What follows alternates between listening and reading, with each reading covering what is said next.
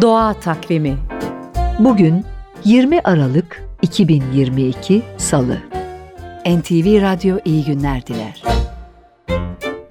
Atık suları temizleyen, bu özelliğiyle Venedik'te kanallardaki suyun temizliğinde, Amerika Birleşik Devletleri'nde ise kanalizasyon suyunun arıtılmasında kullanılan su mercimeğinden bahsetmeye devam edelim. Türkiye'de su mercimeğini su temizliği için kullananlardan biri, Narköy Çiftliği kurucusu, emekli öğretmen Nardane Kuşçu. Kandıra'daki 120 dönümlük çiftliğinde ata tohumlarıyla sebze ve meyve yetiştiren Nardane Kuşçu, su mercimeğiyle de atık suları arıtıyor.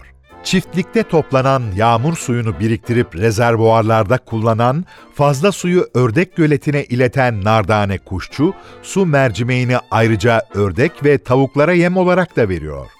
Uyguladığı bu sistem nedeniyle Fransa'da ona toprağın kadını ödülü verildi.